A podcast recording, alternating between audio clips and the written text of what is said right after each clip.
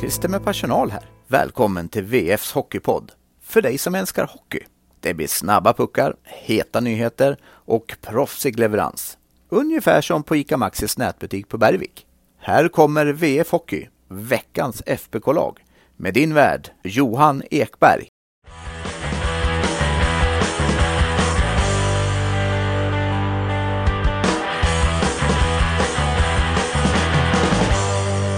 Efter sex sorger kom en halvsorg och en straffglädje. Efter dubbla boxplay-nederlag kom en sudden-vinst och en till segersång.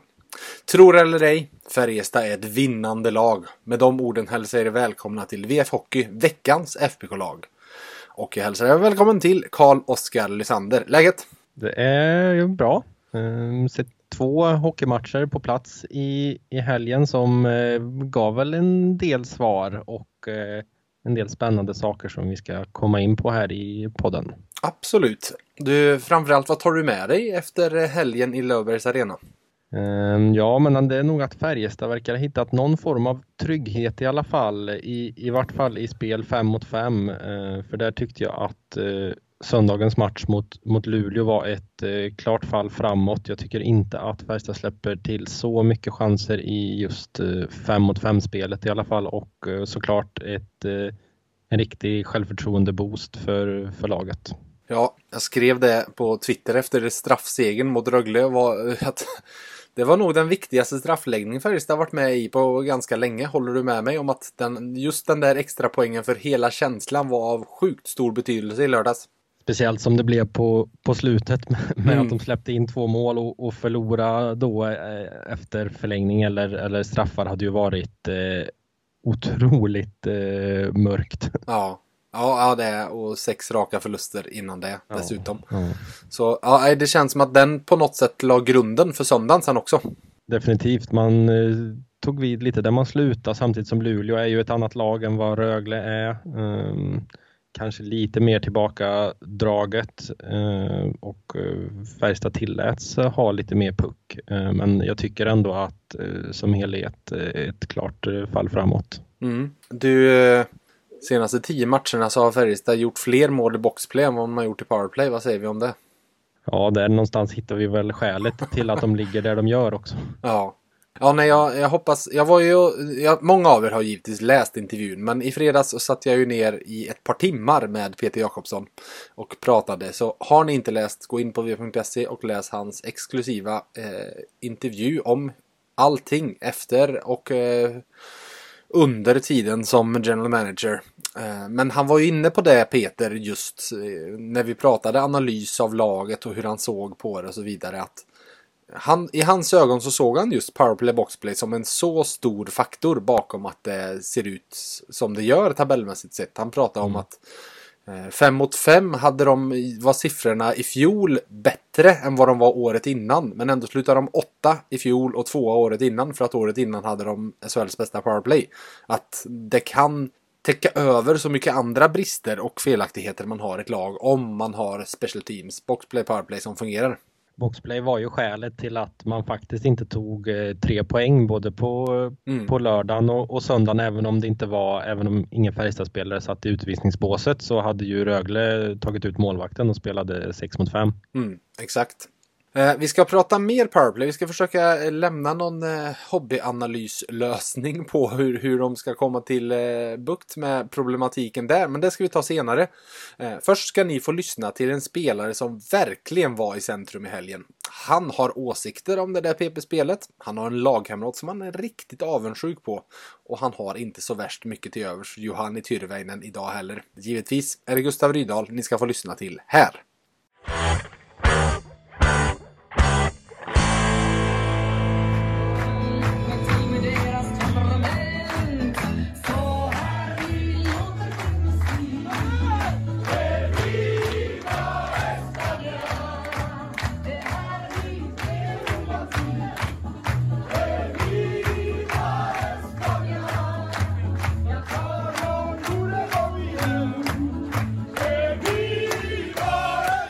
Du, ni fick avsluta med att sjunga Viva España igår och på lördagen. Hur skönt var det?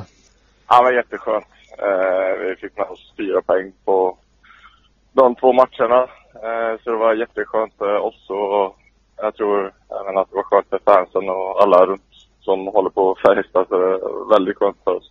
Varför eh, vinner ni de här två? Nej, men jag tycker vi har, alltså vi har snackat hur mycket som helst liksom vad vi ska göra på, eller vad vi ska göra och allting. Men eh, nu har vi gått ut och släppt, släppt lite på gasen och ja, ha kul där ute. Så jag tycker det syns på vårt spel. Eh, vi litar på varandra och eh, ja, tar pucken till mål. Så för innan har det varit på, vi har ju spelat bra men just när det kommer i de farliga lägena så har det inte varit lika heta då. Eh, Det är väl det. Eh, Jag tycker det speglar de här två matcherna. Jag från sidan tycker mig ha sett ett lag som har spelat med mer känslor. Eh, lite uppeldade, lite uppjagade. Håller du med?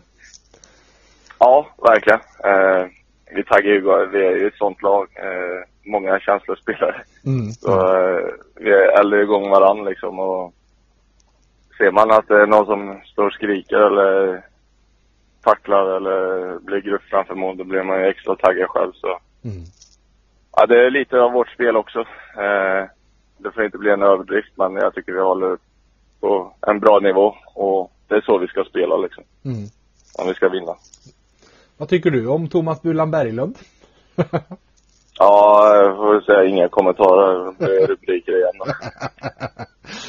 Ni skrek lite åt varandra och du, du hamnade även i, i rubrikfas när du, du sa att du skulle gå ut och sänka. Det var väl Tyrväinen som du inte var bästa kompis med heller. Det var, det var mycket känslor igår.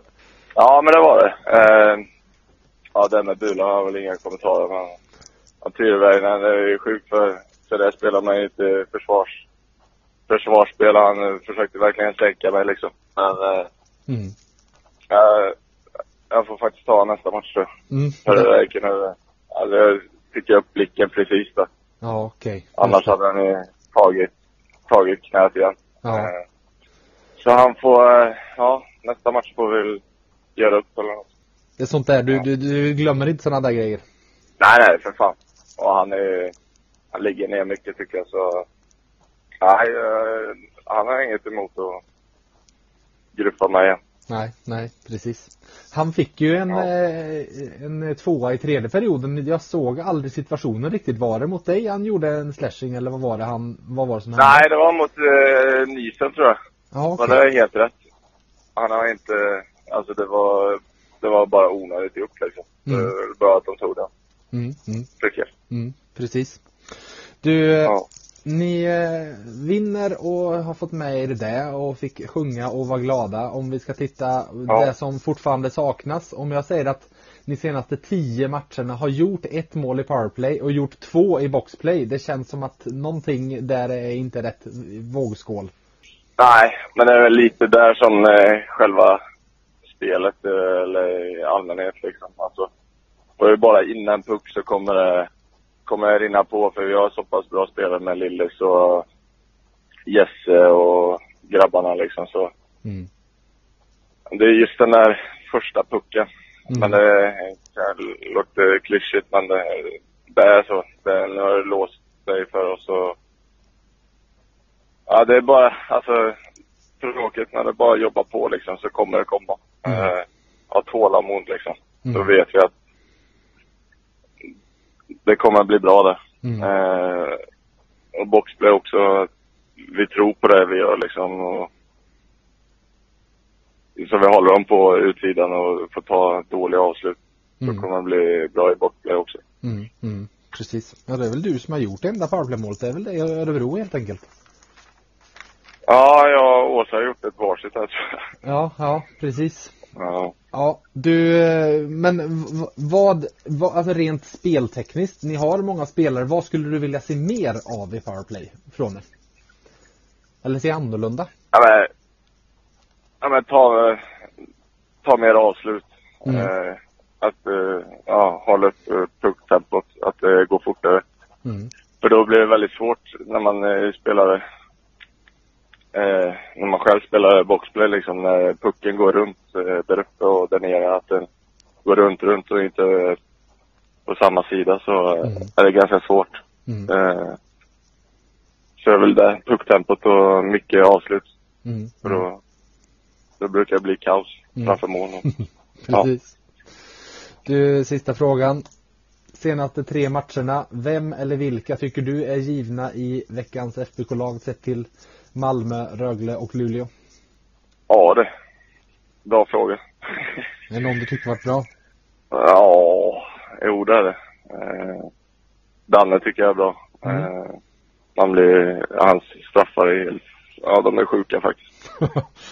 Är du avundsjuk? Det är väl Danne jag skulle säga. Ja faktiskt. Mm. Jag har väl aldrig lagt en straff, eller jag har väl lagt en straff men jag har aldrig gjort mål. Ja, okej. Just det. Du blir Nej, så det är inspirerad? väl Danne då. Mm. Han är, ja, han är bra på över hela banan liksom. Så det är han.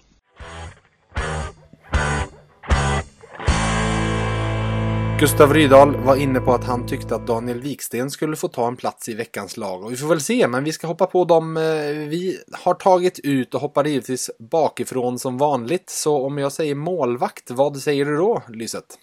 Henrik Haukeland. Oj, oj, oj. Mm. Vad, en match och först två matcher, varför landar du på Haukeland? Jag tycker att, alltså jag ska väl inte ta i här och säga att han storspelade mot, eh, mot Luleå, men jag tyckte att han såg, eh, ja, han såg bra ut, stabil. Jag tycker inte att han kan göra så mycket på de målen som han släpper in och det kan man väl inte riktigt säga om Furs som jag tycker skulle ha tagit någon puck mot Malmö och detsamma mot, mot Rögle, vilk- vilket också Thomas Rodin påpekade. Mm. Om det var i Malmö-matchen där.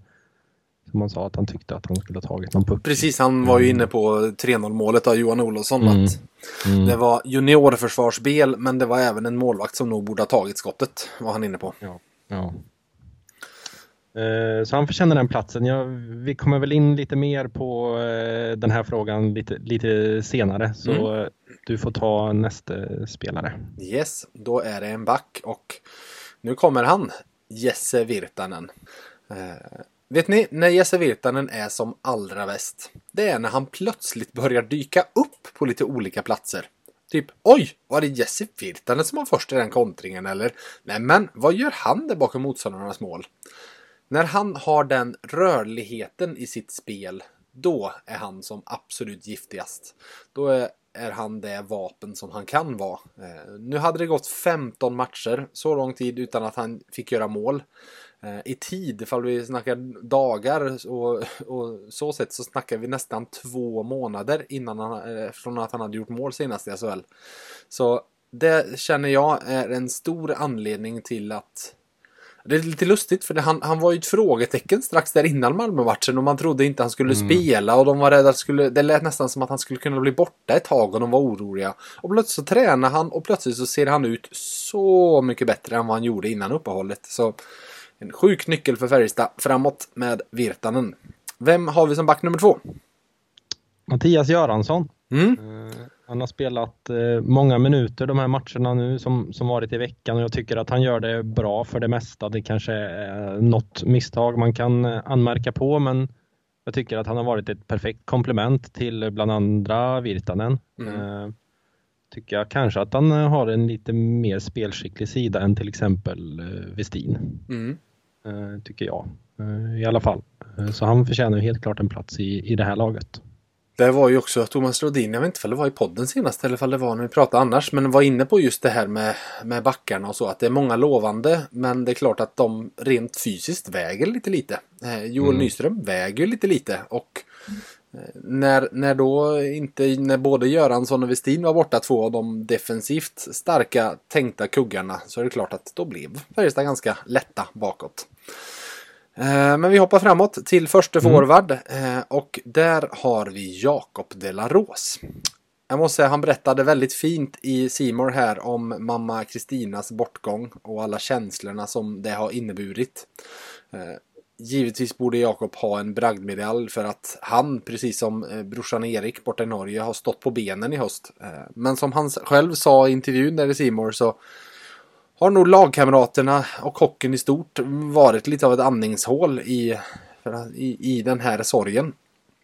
Eh, I det andningshålet så presterar han i veckan en väldigt, väldigt stabil hockey. Med två mål som bonus, två fina avslut, ett så grötmål framför mål där han ändå var, lyckades pilla in den och sen ett riktigt fint direktskott där mot Malmö. Så, och jag tycker även att den formationen, jag har gillat det jag har sett eh, med Delaros mellan eh, Marcus Lillis Nilsson och Per Åslund.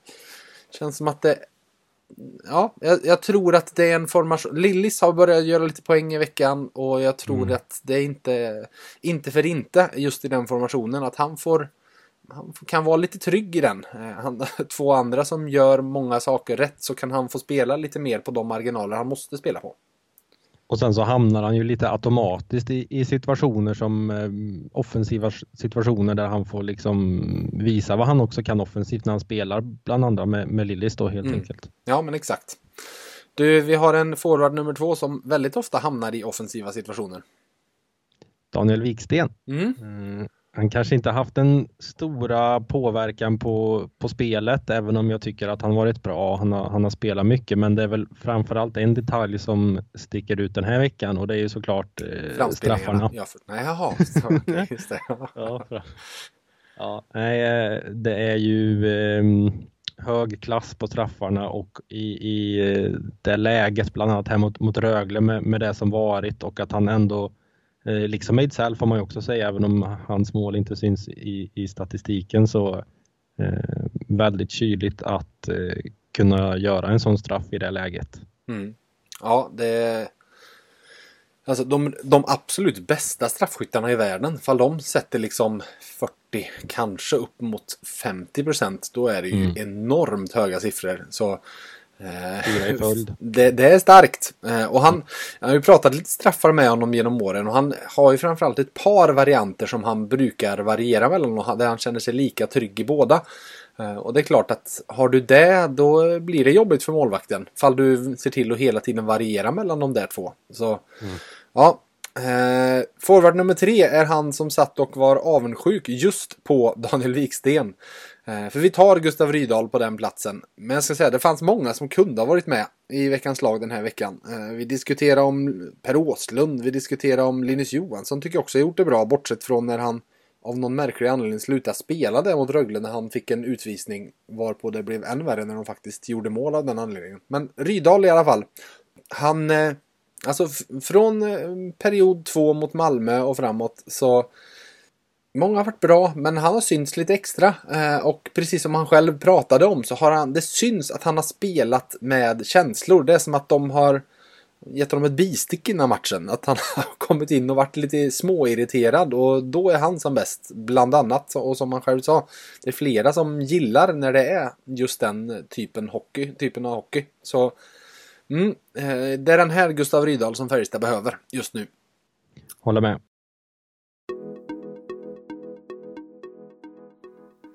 Hallå där! Dags för en ny vana. Läs de senaste nyheterna med VFs pluspaket när och var du vill för en krona om dagen i 90 dagar. Med Plus får du tillgång till allt innehåll på sajten och i nyhetsappen. Läs mer på vf.se erbjudande.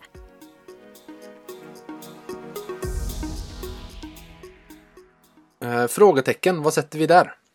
Mm, som jag var inne på här i början så har jag vänt blicken mot eh, målvakterna. Mm. Eh, först två matcher där han varit eh, lite sämre insatser. En del grejer gör han ju bra och ibland så händer ju saker som att han släpper lite billiga mål. Eh, och eh, ja, Haukeland var ju som sagt bra eh, och frågan är vem som ska stå härnäst och hur man ska göra för det är såklart en delikat fråga att eh, bänka Fürch i, i det här läget. Han har ju inte varit här jättelänge heller. Nej. Eh, sen har vi ju ett, ett OS också som kommer här där det fortfarande är under utredning ifall Kina håller måttet eller inte. De, jag läste här, de, de ska möta en, en KL-klubb här nu eller om de kanske redan har gjort det. Det är väl eh, någon från IHF där som ska eh, godkänna dem. Eh, I så fall så försvinner ju speciell grej för övrigt. Ja, det är, eh, det är en, ett kapitel för sig. Men ja. i så fall så försvinner ju Haukeland i alla fall eh, mm. i några matcher. Eh, mm. Men där finns det ju faktiskt en lösning. Mm. Vad, berätta. Dennis Hildeby Mm, exakt, skulle exakt. ju, skulle ju kunna mm, ja, avlasta i vart fall eh, sitta som eh, tvåa på, på bänken. Mm. Återigen ska vi tipsa om att gå in på v.se där eh, Karl-Oskar pratade med just Dennis Hildeby i fredags var det va, eller hur? Mm, stämmer. Eh, Och för er som inte har koll på honom, ge lyssnarna 10-15 sekunder Dennis Hildeby och varför han är spännande. Eh, Ja, han värvades ju hit från, från Timrå eh, inför förra säsongen. Eh, det blev ju som sagt, det blev ju inte mycket till säsong för honom. J20 ställdes ju in, jag tror han kanske han spelade en 15 matcher i alla fall, men Mm. han lånades ut till eh, Linden Mm. och där blev det bara typ två matcher eller något sånt där. Eh, Då bestämde han sig att det var dags att eh, ta tag i eh, den här smärtan han haft i höften så han har faktiskt opererat bägge höfterna här. eh, eh, Om det var, jag tror det var förra vintern då. Eh, Just det. I maj, I maj tror jag att han gjorde den, den andra operationen. Återhämtning under sommaren och sen så har ju Färjestad då mm, visat att de tror på honom, skrivit ett J20-kontrakt med honom fast, han, fast att han är överårig. Mm. Och tanken är väl att låna ut honom och, och låta honom utvecklas och på längre sikt få tillbaka honom som en A-lagsmålvakt. Helt Mm. enkelt.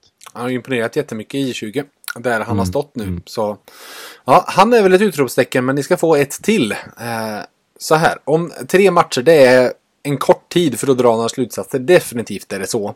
Och tre matcher som alla spelats hemma gör även siffror lite dopade. Garanterat. Men sett till de tre senaste matcherna i SHL så har Färjestad bäst corsi. Man är det lag som har flest skott i skottsektorn framåt och man är det lag som släpper till minst antal skott i skottsektorn bakåt.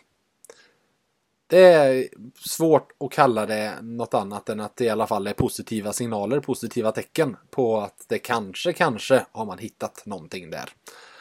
Men vi var inne på att det är något, något annat Färjestad verkligen måste hitta någonting i. Eh, för powerplay måste ju givetvis komma igång om man på allvar ska kunna börja klättra i tabellen på något sätt. Så Mm. vi har snickrat lite båda två. Du kan väl få börja med hur, hur hade du formerat ett powerplay, Karl-Oskar, om du hade varit Pelle Pressberg och Johan Penneborn? Mm. Jag börjar väl med att säga här då att jag har eh, tagit ur, eh, ut eh, Mikael Lindqvist ur ekvationen i Mm. och med att han eh, blir borta vad de tror till jul åtminstone. Exakt, det har jag också Så- gjort. För att det är ju en lösning här och nu som behövs. Så att han är heller Precis. inte ens eh, valbar i mitt. mitt. Nej. Eh, Men jag drar vilka jag har Mm. tagit ut då. Mm. Eh, Jag har tagit Jesse Virtanen Mm, och så har jag tagit eh, Marcus Nilsson mm, och så har jag tagit Daniel Wiksten mm, och så har jag tagit Victor Ejdsell och Linus Johansson. mm. Hur tänker du dig att det ska formeras och eh, struktureras upp? Ja, eh, Färjestad är ju lite tunna på, på right-fattningen i och med att Linkvist är borta så eh, Viksten känns ju given då på den sidan. Eh, sen så är jag ju lite svag för spelare med stora kanoner och där har jag då Ejdsell Mm, eh, som Lillis själv var inne på i, när jag pratade med honom här i söndags att de behöver ta lite mer skott. Mm. Eh, och där tycker jag att han fyller en roll också. En stor kropp, bra räckvidd, kan bra på att böka. Eh, och det är därför jag också tagit med eh, Linus. mm, Jag tycker att han är lite vassare på just det än Gustav Rydahl som jag också funderade på att stoppa in. Eh, och eh, om vi har Virtanen då eh, så är ju som du var inne på här, han ser ju mycket rörligare ut och han kan ju både fördela pucken men han kan också ta nya positioner. Han kan liksom hamna bakom mål, ner i hörnet. Han är ju så pass spelskicklig också så att eh, han behöver inte bara stå som en point vid, vid blå linjen. nej. Ja, nej, alltså jag är inne på fyra av fem namn är vi överens om. Eh, det femte har jag tänkt lite annorlunda och jag ska ge lite cred till en eh, supporter som heter Fredrik Åslund som har skrivit en del till mig om det här. Och eh, Fredrik, jag lägger mig. Du vinner argumentationen. För jag tror att Färjestad skulle behöva tänka om lite kring, kring strukturen på sitt powerplay. Ehm, för det har ju gått i stå. Eh, och Lillis med all den skicklighet han har så har till och med han gått och blivit lite fundersam, lite eh, grubblande i sitt sätt. Det går lite för långsamt, han håller i pucken lite för länge och så vidare. Mm. Så därför hade jag, alltså det ska ju styras på den sidan, eh, från, från högersidan, eh, om vi säger så. Men jag hade, i det läget som är just nu, så hade jag tänkt om lite och skickat Lillis tillbaka till den positionen han har haft tidigare i powerplay. När Johan Ryno stod vid tekningscirkeln och Lillis stod nere vid mål. Där hade jag ställt honom. På den platsen där Lillis har stått, där hade jag ställt Jesse Virtanen. Och sen framför mål en Linus Johansson. På andra kanten, vänstra teckningscirkeln, en Daniel Wiksten och högst uppe på blå Joel Nyström. Ja, då får, jag, jag, då får jag säga en sak här. Jag, jag ser att du har tagit in eh, två rightare, eller hur? Yes. Eh, det var jag också ganska sugen på att, att göra. Ehm, men eh, eh, ja, jag, jag kanske hade underskattat Joel här. Han, jag tycker att han har sett bra ut i, i powerplay men eh, hans tid kommer. Ja, men så här, jag tycker, dels tycker jag han har ganska bra skott faktiskt. När han väl skjuter så är det bra, bra drag i skottet. Sen ska ju Färjestad inte, man ska aldrig bygga ett powerplay efter att försöka ta avslut från blå. Det är ett av de sämre lägena du kan ta. Men det som, om vi, det, det bland annat Fredrik där har varit inne på och skrivit till mig som argumentation när vi har diskuterat vilken back som ska stå på, på blå. Är att titta på till exempel Frölundas powerplay där det, allting styrs via Ryan Lash. Vilket gör att då hamnar eh, Jens Olsson i den backen de har haft på blå för att Lash ska kunna leta direktskott dit upp. Även om det är väl svårt att säga något annat än att typ Stefan Elliott är en mer offensiv kvalitativ back än Jens Olsson. Men vinkeln avgör för, för dem i det läget. Och lite samma här. Fall det då ska styras via Lillis och Virtanen eh, så tror jag att då, då betyder det ganska mycket att kunna ha en Joel Nyström uppe på blå med rätt vinkel. För då kan Virtanen hitta ner till Lillis som kan stå där nere och leta. Han kan ändra hitta till, eh, upp till, eh, alltså spela upp till Virtanen tillbaka eller leta igenom till Daniel Wiksten på andra sidan eller hitta upp till Joel Nyström så att det kan finnas de skottmöjligheterna. Plus att, vir- eller hitta upp till Virtanen som direkt till Nyström som kan direkt skjuta. Eller för den delen skull, har du Virtanen där ute i högra teckencirkeln, där man får med honom lite samma som du var inne på. Fall man behöver skjuta mer så behöver man kanske lite mer skottkraft än vad Lillis erbjuder där just nu. Och samma där, ja men kommer pucken till Viksten då kan han direkt passa över till Virtanen som skjuter. För ett bra skott har han definitivt. Samma med Joel Nyström. Kan passa över på den kanten för att få ett skott direkt. Så vem som sen ska vara femte delen i det, det, det hade kunnat varit några olika. Alltså jag vet inte om Linus Johansson är så mycket bättre än Rydahl eller... Jag, jag tycker Så han är lite vassare på att styra pucken. Ja, men det kan han Jag nog vara. han- Det kan han nog vara. Eh, men det, och det som verkligen måste in i den här formationen är ju att du måste ha någon som är tekare. Eh, för att framförallt när de börjar i offensiv zon så är ju tekningsvinsten där så viktig. Så därav så eh, blir det Linus Johansson.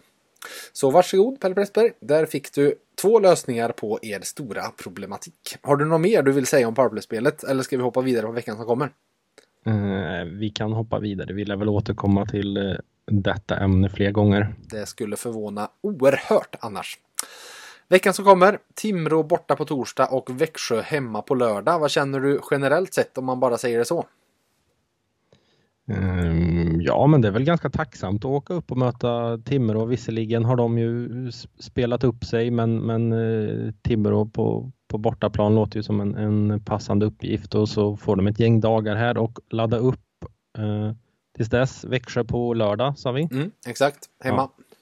Ja, ytterligare ett, ett eh, test såklart. Eh, det var väl en del som ville hävda att det här var Rögles eh, sämsta match eh, den här säsongen. Eh, så mycket Rögle har jag inte sagt, sett den här säsongen så det vet jag inte. Men de mötte ju både Zürich och Frölunda. Mm. Det sa ju pennan också att matchplanen var att försöka köra slut på, på Rögle. Mm. Så vilken status de hade är väl lite osäkert men Växjö på lördag blir ju ett spännande test tycker jag. Ja, men verkligen. Växjö som gjorde något så oväxjöigt som att tappa en 2-0-ledning borta mot Frölunda med total kontroll. Där de tappade och släppte in fem mål i sista perioden. Och Timrå gjorde, har väl gjort något otimroikt får man se till den här hösten med som du säger. De är i bra form. De har faktiskt vunnit tre raka matcher. Tagit, de har 17 poäng totalt i tabellen efter 19 omgångar och varav de har tagit 9 av dem de senaste tre matcherna. Så mm. det, Färjestad åker ju definitivt upp till Sundsvall och eh, norr om Sundsvall till Timrå för, och är varnade för att det är ett lag i form som de möter. Men det kanske är bra. Det bör ju finnas noll risk för underskattning när du möter ett lag som har vunnit tre raka. Ja, definitivt. Det, det, jag, jag sa att det var en tacksam uppgift att möta Timrå. Det kanske är tvärtom eh, just nu då. Ja, ja precis. Men det, det som jag är sjukt nyfiken inför torsdagskvällen är om, alltså det är en sak att tagga igång och vara så här griniga och irriterade Rögle hemma inför 7000 pers. Eh, den, eh, samma sak att möta Bulan och Tyrväinen tydligen. Det räcker tydligen de då för att få igång känslorna på en söndag. Men det är väldigt, väldigt intressant att se om Färjestad kan hitta den känslomässiga investeringen även i Timrå en torsdag. Eh, för att jag tror det är den vägen de måste hitta eh, för framåt. För att det ska bli något hållbart framåt eh, av det här. Definitivt. Ehm, det var ju tydligt. Ehm, man var ju beredd på, det var ju ganska, kändes ganska avslaget eh, inför eh, matchen mot Luleå. Man tänkte att ja, det, var, det här blev väl en ganska sömnig match. Eh, ehm, men det blev ju faktiskt ganska händelserikt och en hel del känsloyttringar mellan både spelare och tränare. Mm. Ja, men verkligen, verkligen. Men hörni, det var det här veckans FBK-lag avsnittet av VF Hockey. Men eh, vi hörs framöver så får ni tills dess ha det så gött!